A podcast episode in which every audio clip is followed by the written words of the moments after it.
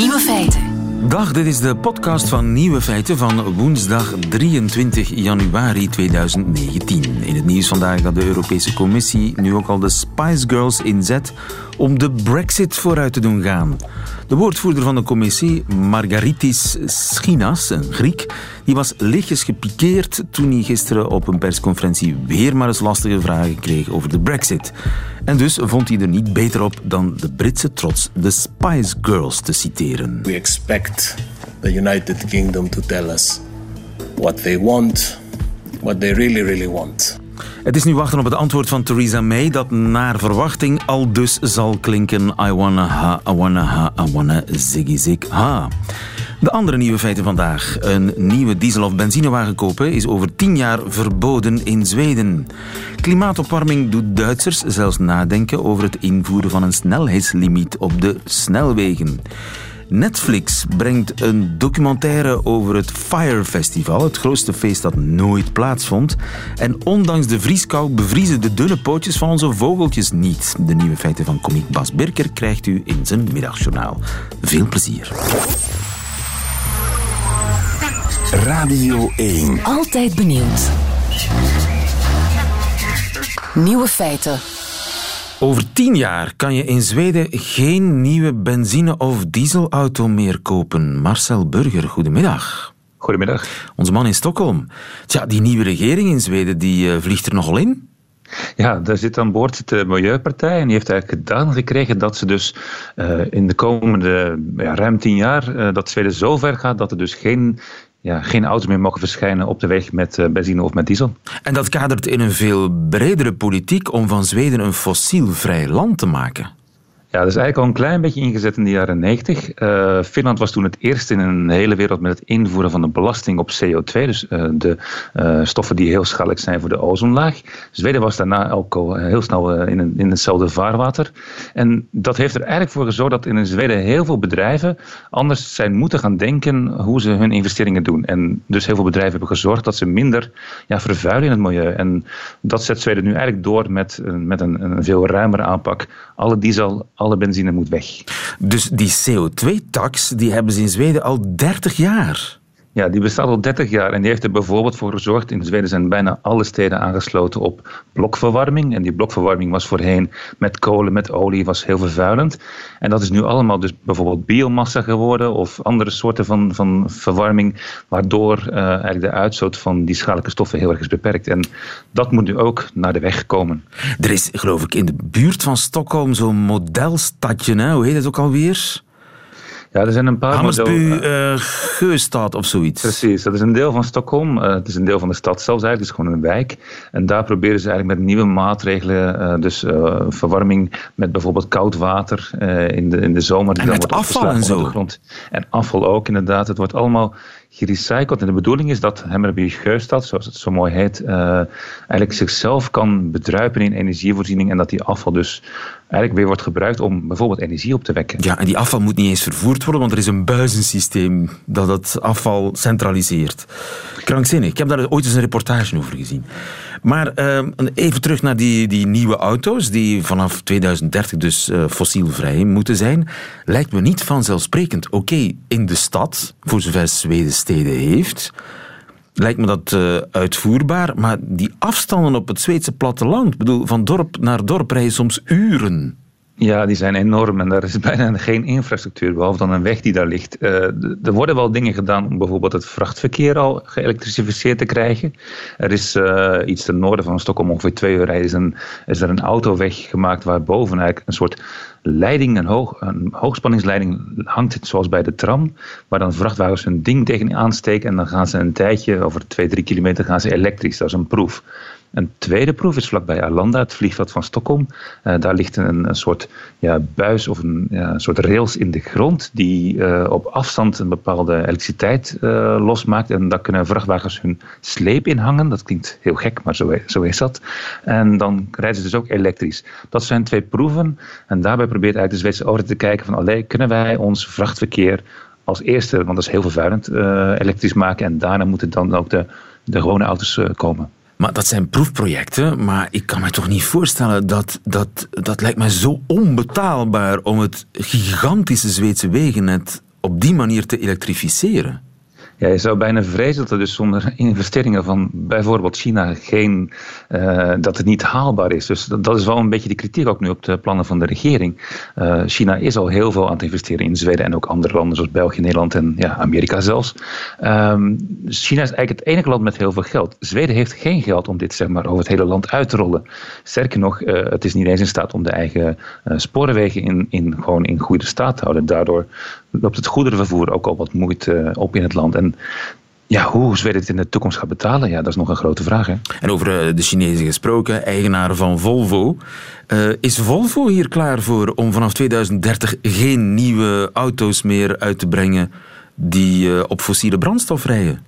Ja, Volvo Trucks heeft juist uh, afgelopen jaar een uh, vrachtwagen gepresenteerd die helemaal elektrisch is. Dus die werkt er wel mee. En Volvo Auto's, dat inderdaad van, van Geely is, het, Chinese bedrijf.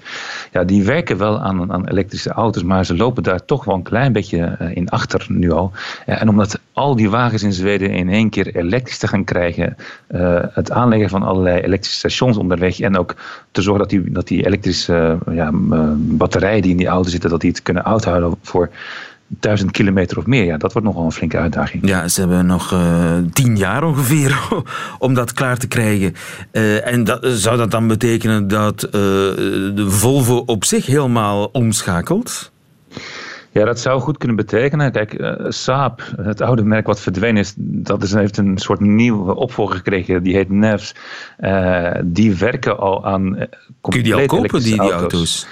Nee, ook nog niet. Ook daar zitten Chinezen in. En er zijn al drie jaar bezig met het ontwikkelen van die auto. En nog steeds is er geen model wat gewoon op de markt te verkrijgen is.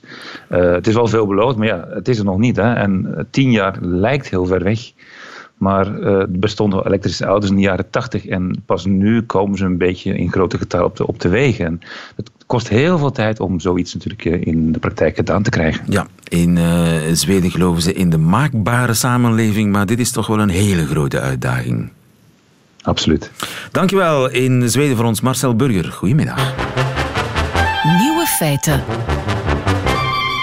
Doortastende maatregelen in Zweden om de CO2-uitstoot te verminderen. Geen nieuwe diesels- en benzineauto's meer te koop vanaf 2030. Maar ook in Duitsland overwegen ze drastische maatregelen die hen, als ze er komen, in de ziel zullen snijden. Want er is al sprake van een snelheidsbeperking op de snelwegen. Geert van Istendaal, goedemiddag. Goedemiddag. Schrijver van onder meer Mijn Duitsland, het land waar uh, op de helft van de snelwegen geen limieten gelden qua snelheid. Ja. Daar kan je rustig 180 vlammen vandaag. Ja. Is het daarmee gedaan straks, denk je? Wel, uh, de tegenstand is niet gering. Uh, bijvoorbeeld de minister van Verkeer, uh, meneer Scheuer van het CSU, heeft al gezegd dat de, de snelheidsbeperking uh, tegen ieder mensenverstand ingaat. ja. ja. nu, nu, Scheuer komt natuurlijk uit Beieren en uh, BMW, dat betekent Bayerische Motorenwerken. Dat is dus een Beierse fabriek. Maar dat is toch gek, hè? Want er is geen enkel beschaafd land waar er geen nee. snelheidsbeperkingen gelden. En, Voor zover ik weet niet, nee, nee. En in Duitsland is het echt een taboe. Ja, het was een taboe. Uh, nu wordt het eindelijk eens besproken. Dat is al, dat is een hele vooruitgang. Uh, maar, maar bijvoorbeeld ook de, de minister-president van Neder-Saxen, dat is een, een sociaaldemocraat, Stefan Weil. Uh, die is ook tegen. Maar ja, wat ligt in Neder-Saxen? De fabriek van Volkswagen in Wolfsburg. En is dat en de simpel... Weil zit daar in de raad van toezicht. Ja. kom, kom. Hè. En de Automobilistenbond, ADAC, is er tegen. En uiteraard de automobielproducenten zelf. En, is... en, die weten dat zij 800.000, bijna 800.000 mensen uh, werk geven. Ja. Ah. En uh, ja, ga daar eens tegenin. Ja, daarom, dit, dit, heeft niks te maken met de Duitse ziel, het heeft gewoon te maken met de Duitse auto-industrie. Ja, waarschijnlijk, maar misschien is dat hetzelfde, de Duitse ziel en de Duitse auto-industrie. Nu ze de D-mark niet meer hebben. Uh, het, het, is echt een, een, een taboe. Uh, en terwijl toch op een heel groot deel, jij hebt er net gezegd de helft maar op een heel groot deel van de Duitse autobanen uh, er al snelheidsbeperkingen zijn. Terwijl iedereen die wel eens in Duitsland rondrijdt op de autobaan, weet dat bij regenweer de snelheid beperkt wordt tot 80 km per uur. En ze volgen dat ook. Ze volgen dat ook uh, meer dan in België, denk ik. Maar is er een veiligheidsreden om afscheid te nemen van die limietloosheid? Pa, um, het aantal uh, dodelijke ongelukken per hoofd van de bevolking is in België een stuk groter dan in Duitsland, hoor. Dus de Duitse snelwegen zijn veiliger dan de Belgische? Ik zeg niet de snelwegen, het, dat gaat over alle wegen. Uh, dat gaat over alle wegen. Het is, geloof ik, bij ons 30, 40 procent uh, hoger. Uh, ja, maar... Mm, wij hebben ook veel meer op- en afritten. Ja. Wij hebben lintbebouwing met onze verschrikkelijk slechte ruimtelijke ordening, zodat je ongeveer overal iemand dood kunt rijden. En dat is in, Duitsland veel beter geregeld allemaal. Maar um, dat zijn de argumenten van de tegenstanders. Uh, het zal nauwelijks, nauwelijks uh, uh, meer veiligheid opleveren. De CO2-uitstoot zal nauwelijks 1% zeggen zij naar beneden gaan. Terwijl anderen dan andere cijfers citeren. Ja. ja. Maar het, het is veel Duitser om de oplossing te zoeken in de motor zelf. Om een motor te ontwikkelen, elektrische motor te ontwikkelen, die, die geen CO2 uitstoot. Ja, kijk uit. Ze zijn natuurlijk uh, goede, goede ingenieurs, dat hebben ze wel. Maar uh, wat ze nog maar pas achter de rug hebben, dat is een, een verschrikkelijk uh, schandaal met wat uit de uitlaat van de auto's, Juist, van de Duitse auto's komt. Dat was bepaald onduits. Dat was zeer onduits. Uh, wel, ik weet niet, dat is toch ook wel Duits hoor. Je moet niet denken dat in dat land alles goed geregeld is. Trouwens, het schandaal is aan het licht gekomen in de Verenigde Staten. Want uh, de Duitse automobielfabrikanten hebben uh, er alles aan gedaan om het in de doofpot te stoppen. Ja. En ontkend enzovoort. En er, er zit men ervoor in de bak. Hè. Dat is, op dat gebied is Duitsland, nu ga ik iets heel provocerends zeggen, niet beter dan Italië hoor. Alleen verstoppen ze het beter. Ja, ze verstoppen het. Ze zijn hypocrieter, denk ik, dan Italianen. Denk. Duitsers zijn hypocrieter dan Italianen. Dat ja, is een statement. Ja, ze, uh... wel ja, ze, ze, uh, ze doen alsof... Uh, hun, hun, slogan in Amerika was... now it's time for German engineering. Ter, terwijl zij dus echt fraude pleegden met de controle op de uitlaten. Ja. ja.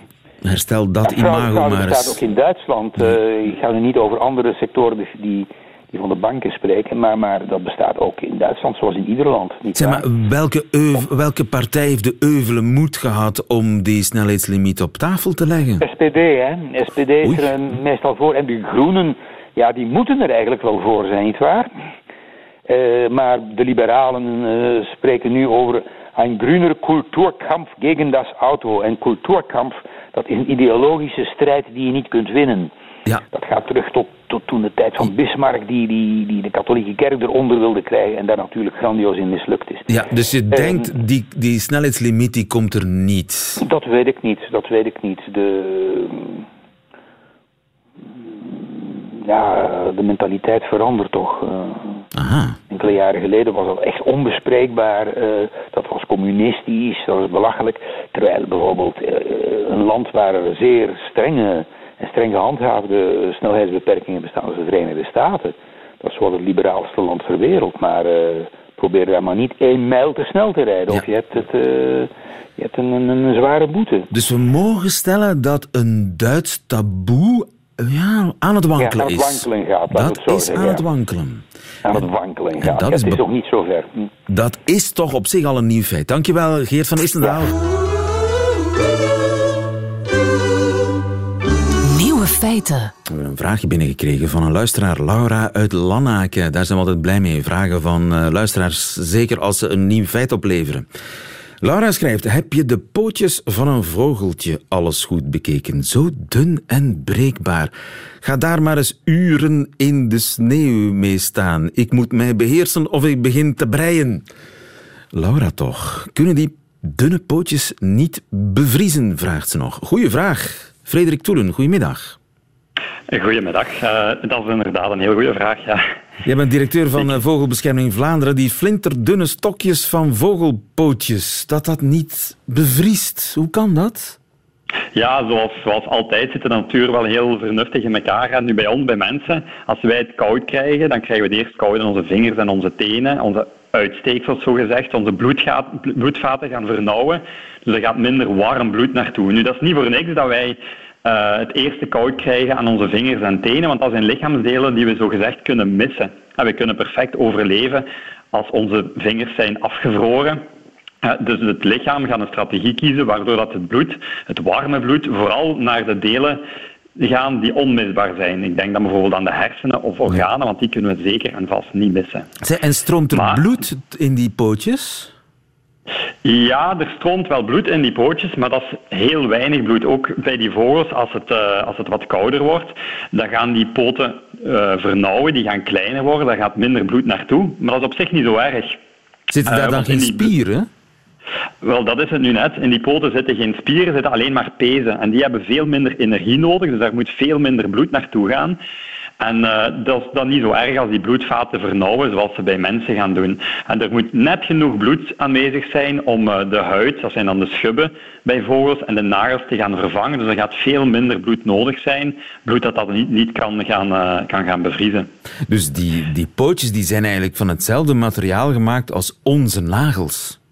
Ja, die zijn gemaakt van uh, keratine. Schubben bestaan uit keratine.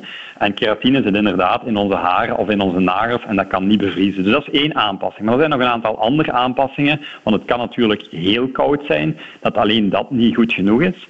En daarom hebben die vogels een, uh, een rete mirabilis, zoals dat genoemd wordt. En een andere naam is een wondernet. En een wondernet is niet voor niks. Dat, dat, heeft te maken met de wetten van de fysica. Er is een heel vernuftig systeem van de bloedsomloop. En dat is gebaseerd op het tegenstroomprincipe, zoals dat genoemd wordt. En tegenstroomprincipe wil eigenlijk zeggen dat als er twee stromende vloeistoffen zijn, die van elkaar gescheiden zijn, maar die wel in omgekeerde richting stromen, dan kunnen die iets overgedragen naar de andere. Als de ene stroom rijk is aan bijvoorbeeld warmte in dit geval, dan kan die warmte overgedragen worden aan de stroom die in tegenovergestelde richting gaat, maar die kouder is. Dus concreet, als we dan gaan vertalen naar die vogel, het is koud buiten, het lichaam heeft het bloed opgewarmd en dat, dat bloed, dat warm bloed, komt uit het lichaam en dat gaat naar beneden naar die poot waar het koud is. En uit de poot komt het afgekoeld bloed dat uit die koude poot komt en dat gaat dan weer naar het lichaam. Dus die twee aders die liggen zo dicht bij elkaar dat het warme bloed heel dicht in contact komt met het koude bloed. En op die manier wordt er warmte overgedragen naar die koude poot. Dus het bloed, het koude bloed wat terug naar het lichaam gaat, dat gaat terug een beetje opgewarmd worden. En dat is een strategie die die dieren hebben aangepast om zeker niet uh, te koud te krijgen in de winter. Kijk eens aan, Dat is dan gebaseerd op, die, uh, op dat tegenstroomprinциpe. Indrukwekkend. Zij, en je ziet vogels soms toch ook op één poot staan? Dat is dan weer een andere manier. En dus er zijn verschillende manieren om zich aan te passen aan de koude. Zeker die, die vogels die lange poten hebben, die gaan afwisselend uh, één poot in een warme veerkleed opgebogen houden, net gelijk wij handschoenen aandoen. Hè. Gebruiken die, die vogels hun uh, warm verenkleed als een handschoen voor één poot en die wisselen, wisselen elkaar af. Ja. Dus die, um, die breien eigenlijk zelf. Dus Laura uit Lanaken hoeft niet te breien. Ze hebben hun eigen handschoentjes bij. Ja, ze hebben, moeten al die moeite niet doen om, uh, om te gaan breien. Ze kunnen dat helemaal zelf. En om nog even terug te komen op, die, op dat wondernet, is eigenlijk nog straffer dan het al was. Um, er is een verschil in die aders in de zomer en in de winter. Want in de winter, wanneer het heel koud is, dan gaat de ader, of gaan die aders meer naar het centrum van de poot verhuizen, als ik het zo kan noemen.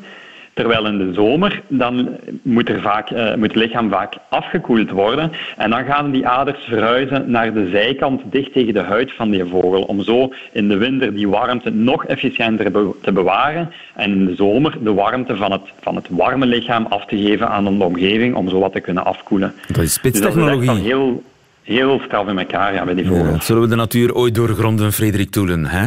Ik denk het niet. Dankjewel, Frederik Toelen, directeur Vogelbescherming Vlaanderen. Dat is graag gedaan, dag. Nieuwe feiten. Het zou het meest exclusieve, luxueuze festival ooit worden. Op de Bahama's nog wel waarop je als succesvolle aandachtzuigende hipster niet mocht ontbreken. Het Fire Festival. Dat festival missen, dat zou je op slag oud en oud maken. All these models like in the Bahamas. The most insane festival the world has ever seen. They just bought an island. Pablo Escobar's island. Oh my gosh. We're gonna throw a festival, yeah. The biggest event in a decade, I promise you. I'll be there. Ja, het zou het eh, glamourfeestje van de eeuw worden, maar het liep anders. Gilles Wijkmans, goedemiddag. Goedemiddag. Gilles Wijkmans van de redactie van Nieuwe Feiten. Op Netflix loopt een documentaire over dat Fire Festival. Het Mhm. grootste feestje dat nooit gebeurd is. Ja. Begon nogthans veelbelovend, hè? Het begon heel, eh, heel goed belovend. Het zou het grootste feest ter wereld eh, worden. Mensen zouden tot 250.000 dollar betalen voor een ticket, een exclusief feest. Hebben ze dat ook gedaan? Dat hebben ze ook gedaan. 250.000 dollar voor een 200 ticket. Ja, voor een ticket, een luxueuze villa aan het strand op het eh, privé-eiland van Pablo Escobar. De grootste artiesten ter wereld zouden komen. Catering door een sterrenchef. Alles was op en top. Of dat zou het toch moeten geweest zijn. Maar hoe hebben ze dat verkocht gekregen? Hadden ze dan topnamen? Uh, wel, dat is het ding eigenlijk. Er waren geen namen bekend, geen artiesten bekend, helemaal niks voordat, het, uh, voordat de tickets verkocht werden. Wat ze wel hadden, was een heel goed geproduceerd uh, reclamefilmpje met de grootste supermodellen ter wereld die zich amuseerden op de Bahama's. En daarnaast hadden ze ook aan 400 van de grootste influencers ter wereld gevraagd om een simpele oranje tegel op Instagram te posten. En binnen 48 uur was alles uitverkocht. Binnen 48 uur ja. was dat hele festival ja. uitverkocht zonder dat er één naam van een optredende artiest bekend was. Ja, en dan zijn de goedkoopste tickets die waren 1000 dollar voor één dag. En dat allemaal omdat de influencers hun naam ja. aan dat project hadden verbonden. Ja, Kendall Jenner die heeft bijvoorbeeld 250.000 dollar gekregen voor één post over dat festival te maken. Dus iedereen had het idee van, ah ja, daar komen alle grote sterren ter wereld. Ik moet daar ook bij zijn. Het wordt heel mooi daar op het uh, idyllische eiland. Goed eten. Het was allemaal op Instagram zo picture perfect, maar ook tegelijkertijd zo spontaan in beeld, in beeld gebracht, dat je eigenlijk niet het idee had dat je naar heel sluwe reclame aan het kijken was. Maar uh, dit speelde in 2017. Ja. Die mensen hebben een ticket gekocht. Mm -hmm. Die komen op eigen kracht naar dat afgelegen eiland mm -hmm. op de Bahamas. Wat treffen zij aan? Wat zij daar aantreffen zijn geen luxe villa's, ook geen privé-eiland van Pablo Escobar, want omdat dat eiland veel te klein was, moest het dan uiteindelijk verhuisd worden naar een groter eiland. Het werd dan georganiseerd op een bouwwerf. Op die bouwwerf stonden allemaal tentjes die gebruikt werden voor slachtoffers van orkanen in Amerika. Dus ook niet de luxueuze tenten, niet de luxueuze villa's die werden um, aangeboden. Catering? Catering, dat was nog het grootste probleem. De catering werd niet door een sterrenchef uh, gemaakt, maar was gewoon simpel toastbrood met smeltkaas. Ai.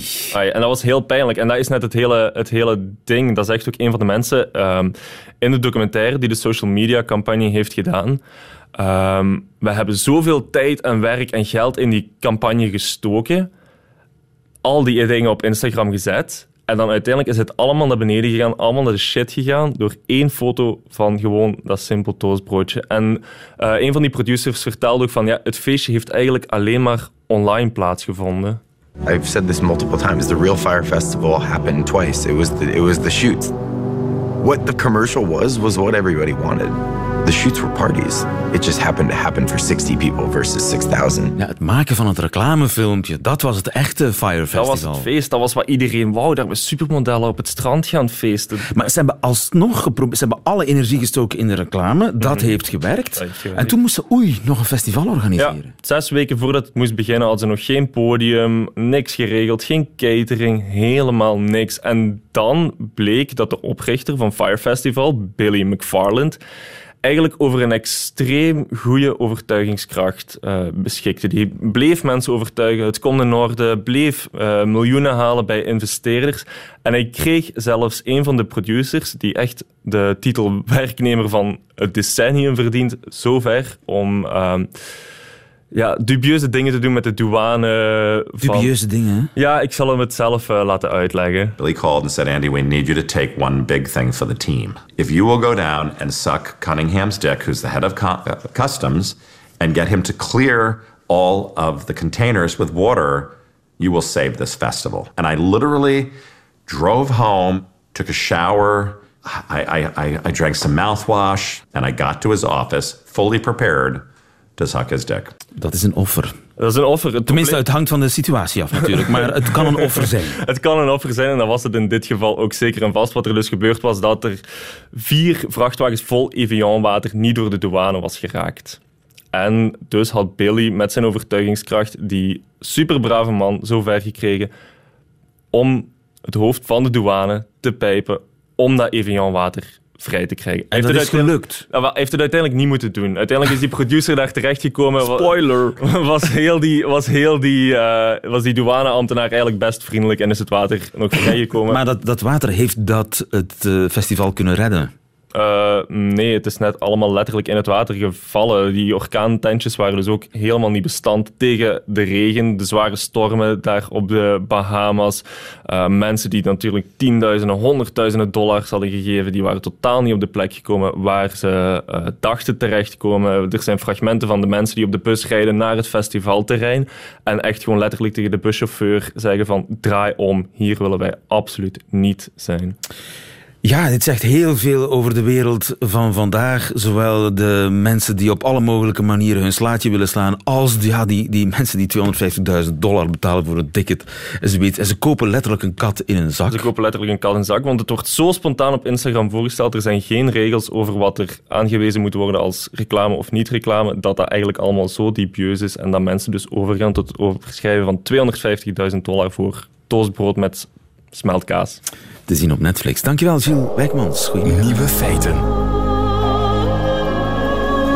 Middagjournaal. Liefste landgenoten. Er zijn twee soorten mensen. Nette, gestructureerde, opgeruimde types en mensen waarvan niemand snapt hoe het ze in vredesnaam lukt om af en toe twee dezelfde sokken uit drie verschillende wasmannen te vissen. Ikzelf behoor tot de eerste groep, maar het is vechten tegen de bierkaai. En waar ik bierkaai zei, bedoelde ik kleuter dat ik vanaf de geboorte van onze dochter langzaamaan de lege canvas die de living was moest inruilen voor een potpourri aan poppen, Playmobil en Playmobil poppen. Daar had ik me onder lichte dwang bij neergelegd. Maar wat kinderen doen met Play-Doh, dat is een misdaad tegen de nette menselijkheid. Dit is hoe het werkt. De dokter komt op me af met verschillende potjes gekleurde klei. Vraagt welke ze op de zelfverzonnen pizza moet doen. Geeft een onooglijk halffabrikaat aan mij. Wacht tot ik een nephap heb genomen. En vervolgens neemt ze het mee. En dan gebeurt het. Ik weet niet hoe, maar binnen twee minuten maakt ze van een fleurig kleurenpalet een bruine lookalike van Barbapapa. Die ze terugstopt in een potje met een deksel dat duidelijk de kleur aangeeft die erin zou moeten zitten. Die kleur is niet Barbapapa met diarree bruin. En dus ben ik een jaar of twee geleden begonnen met het voorkomen van bruine hompen. Door als dokter lief haar pizza-achtige creatie wilde terugnemen, deze op te eisen voor mezelf. Om het te sorteren natuurlijk. Tot ik ineens iets ontdekte waar geen ex-vriendin ooit over was begonnen. Ik heb verdomd talentvolle vingers. En dus begon het met een vogeltje. Toen een krokodil, een clown, een hondje en dan begon ik aan tekenfilmfiguren. Ik playdode Winnie de Pooh, Snoopy, Kermit, Kaatje. Kinderklei is zo rustgevend dat ik het een wonder noem dat er nog geen commerciële zelfverklaarde guru is begonnen met een cursus glutenvrije, veganistische, macrobiotische Play-Doh, mindfulness, naakt yoga. Mijn Play-Doh-regels zijn simpel. Ik klei alleen als mijn dochter slaapt en als ze wakker wordt, moet ze mijn werk gelijk herkennen. En dat is waar de schoen nu wringt. De Play-Doh-bare figuren zijn op. De tekenfilmfiguren uit mijn jeugd zijn allemaal te doen, maar zij zou He-Man nog niet herkennen met alle powers of the universe. En haar helden zijn allemaal of computer geanimeerd of echte mensen. Ik weet niet onder welke categorie kinder-YouTube-vloggers vallen van wie elke video begint met Hey mensen! Dus kom aan Studio 100, Walt Disney, Nickelodeon. Maak nog eens een fijn, nieuw kinderidool. Liefst in een kleur of twee, drie, met niet te kleine details en geen uitstekende dingen dan kan ik weer gewoon verder kleien. Want de enige andere optie is zelf ook een onopgeruimd hompbruine kleimens worden. Ik ga vast de helft van mijn sokken verstoppen.